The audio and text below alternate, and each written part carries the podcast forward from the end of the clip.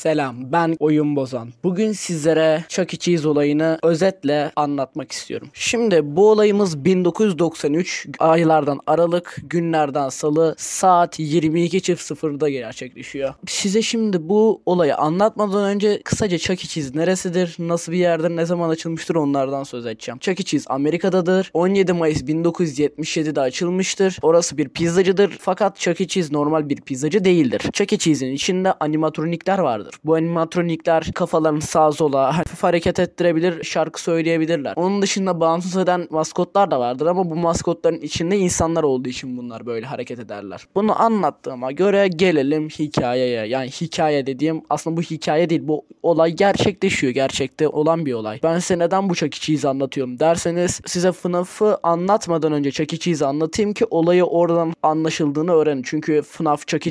Esinlenerek yapılmıştır. Gelelim olayımıza. Bu olayda kurban olan kişiler 5 kişi. Patron Margaret, Colin, ben, Sylvia, Bobby olay sırasında bulundukları yerler katilin insanları öldürdüğü sırada bulundukları yerler. Bobby mutfakta, patron Margaret başka bir sırada o sırada yani. O sırada yapılan tarifleri kontrol ediyor. Hani pizza tariflerini falan kontrol ediyor. Bir eksik var mı diye. Patron sonuçta hani sıkıntı çıkmasın diye yapıyor. Colin, ben ve Sylvia o anda ana salondalar. Pizzacılarda hani yemek yenilen salon falan vardır ya oradalar. Tam bu sırada tam bu sıra demeyeyim de biraz daha önce gerçekleşiyor. Şimdi gelelim ben size ne demiştim bu podcast'in başında. Olay 22 çift sıfırda gerçekleşiyor. O zaman olaydan önce bir şeylerin olması lazım. Doğal yani değil mi? İşte saat 21 çift sıfırda eski bir çalışan Nadın Dunlop adını yanlış telaffuz etmiş olabilirim kusura bakmayın. Nadın Dunlop eskiden kovulan bir çalışan. Bu çalışan buraya intikam için geliyor. Buraya kininden dolayı geliyor. İşte bu çalışan geldikten sonra 21 çift sıfırda normal bir giriş yapıyor. 21 çift sıfırda geldikten sonra biraz sandviç yiyip Atari oynuyor. Biliyorsunuz zaten Chuck E. Cheese içinde Atari de var. Sandviç de sipariş edebilir. Çünkü bir pizzacıda tek pizza olmaya da biliyor. Başka şeyler de olabiliyor. Yani Türkiye'deki pizzacılar da aynen böyle. Burada biraz sandviç sipariş edip biraz Atari oynuyor. Bundan sonra saat 21.50'yi gösterdikten sonra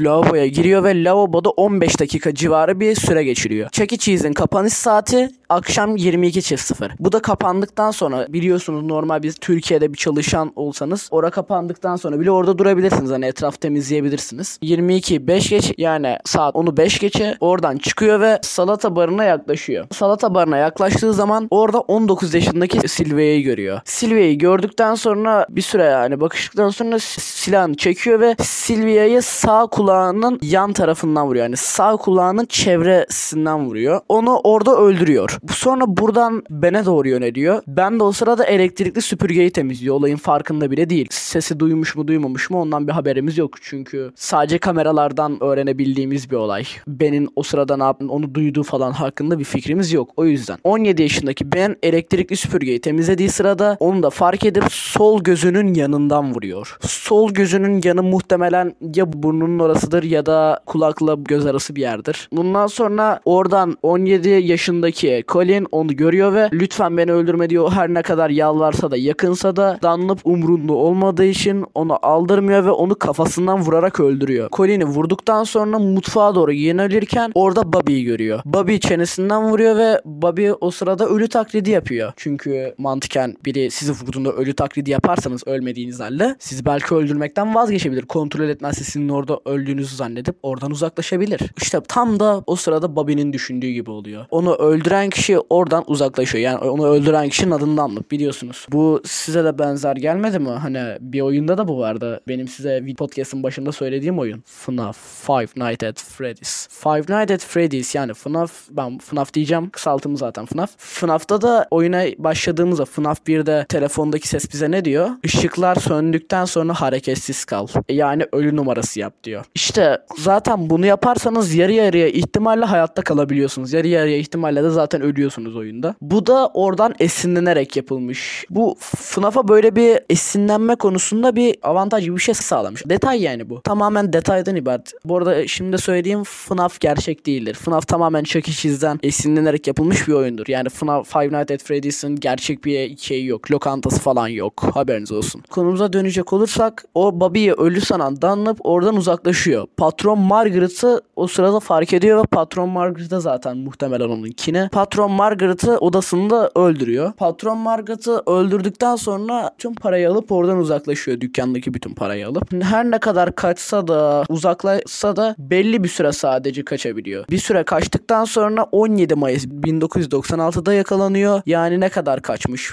aslında düşünürsek iki buçuk iki yıl civarı bir şey kaçabilmiş sadece. Yani bu da onun çok fazla kaçabildiğini göstermiyor. 17 Mayıs 1996'da yakalanıyor. Her ne kadar üzgün görünmese de yüzünden zaten fotoğrafları var. Eğer araştırmak isterseniz Nadine Dunlop kimdir, nasıl bir şeydir Google'da var. Oradan bakabilirsiniz. Nadine Dunlop dediğim gibi 17 Mayıs 1996'da yakalanıyor. İğneli ölüm cezasına çarptırılıyor. Fakat o sıralarda Colorado'da ölüm cezası kalkıyor. Kalktığı için de ona ölüm cezası veremiyorlar. İğneli ölüm cezası. Bu cezayı şartlı tahliye olmaksızın müebbet hapse çevriliyor. Şartlı tahliyeden müebbet hapse çeviriyorlar. Yani iğneli ceza kısacası uygulanmıyor. Sadece müebbet hapis cezasıyla da orada aslında kendini kurtarıyor mu desem daha mı şey oluyor desem bilemeyeceğim. Yani konu burada bitiyor. Nadine Damlık yakalanıyor. Onlar ölüyor. Dört kişi ölüyor. Bir kişi hayatta kalıyor. Bu olay aslında bir yerden daha yine tanıdık geliyor. Yine FNAF'tan bir şey söyleyeceğim size. FNAF'ta da 5 tane çocuk ölüyor. Bunları öldüren kim? William Afton bir katil yine. Ama burada da Nadine Damlı 5 kişiyi kısmen öldürüyor. Çünkü bir kişi ölmüyor. İşte FNAF'ta da bu buradan esinlenerek yapılmış. Bu onun için büyük bir referans olmuş FNAF için bu. Chuck E. Cheese olayı da burada sonlanıyor. Dosya burada kapanıyor.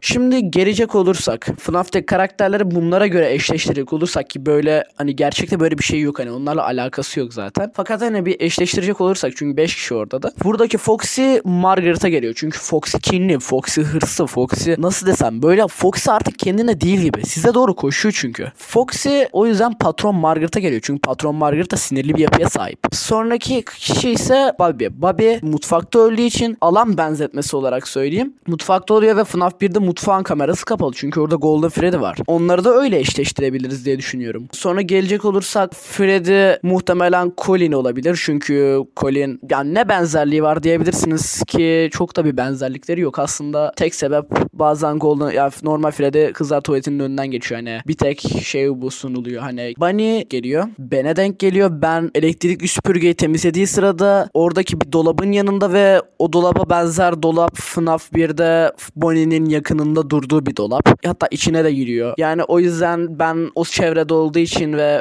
Bonnie de FNAF 1'de o çevrede olduğu için muhtemelen Bonnie'ye de ben düşüyor. Ve son olarak Sylvia'ya da muhtemelen Chica düşüyor. Sylvia o sırada lavaboları temizlerken ölüyor. E, Chica da lavabonun yanından geçiyor. Lavabo tarafında takılıyor. O yüzden Chica'ya da Sylvia düşüyor. Dediğim gibi bu eşleştirmeler gerçek değil. Sadece benzerlik yönlerinden e, bahsediyorum. Hani bunların bir gerçekliği yok, bir kanıtlanabilir yönü yok. Bu arada bu ilk olduğu için birkaç şeyden bahsetmek istiyorum. Bir sonraki haftalar için planlarım şunlar. Bundan sonraki videom için size çünkü FNAF'ın neyden esinlendiğini anlatmamın tek sebebi FNAF'ı daha iyi anlayabilirsiniz belki diye ilk başta esinlenilmiş olayı anlat. İkinci hafta bunun devamı gelecek çünkü FNAF'ı bir podcast'a sığabileceğimi düşünmüyorum hikayesini. O yüzden iki podcast yapacağım bununla alakalı. Üçüncü o ikisi bittikten sonraki atışımda Backrooms'u anlatacağım. Hangi kapıda hangisi, hangi tehlikelerin olduğu falan bunlardan bahsedeceğim özetle. Backrooms'un ne olduğunu, Backrooms'un nasıl oluştuğunu bunları anlatmaya çalışacağım. Sonrakinde SCP-99 anlatacağım çünkü çok fazla vahşete girmek istemiyorum. Çünkü bunların içinde bayağı vahşet var. Ölüm var, şey var artık. Aklınıza ne gelirse vahşet dediği.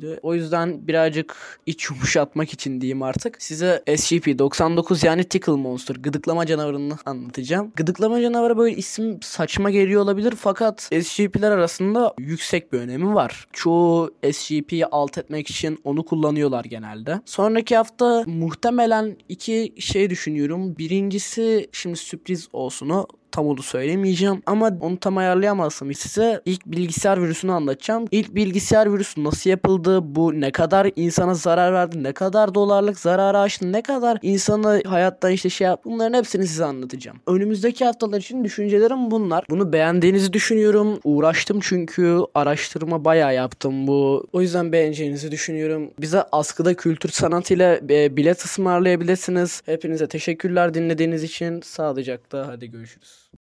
Thank you.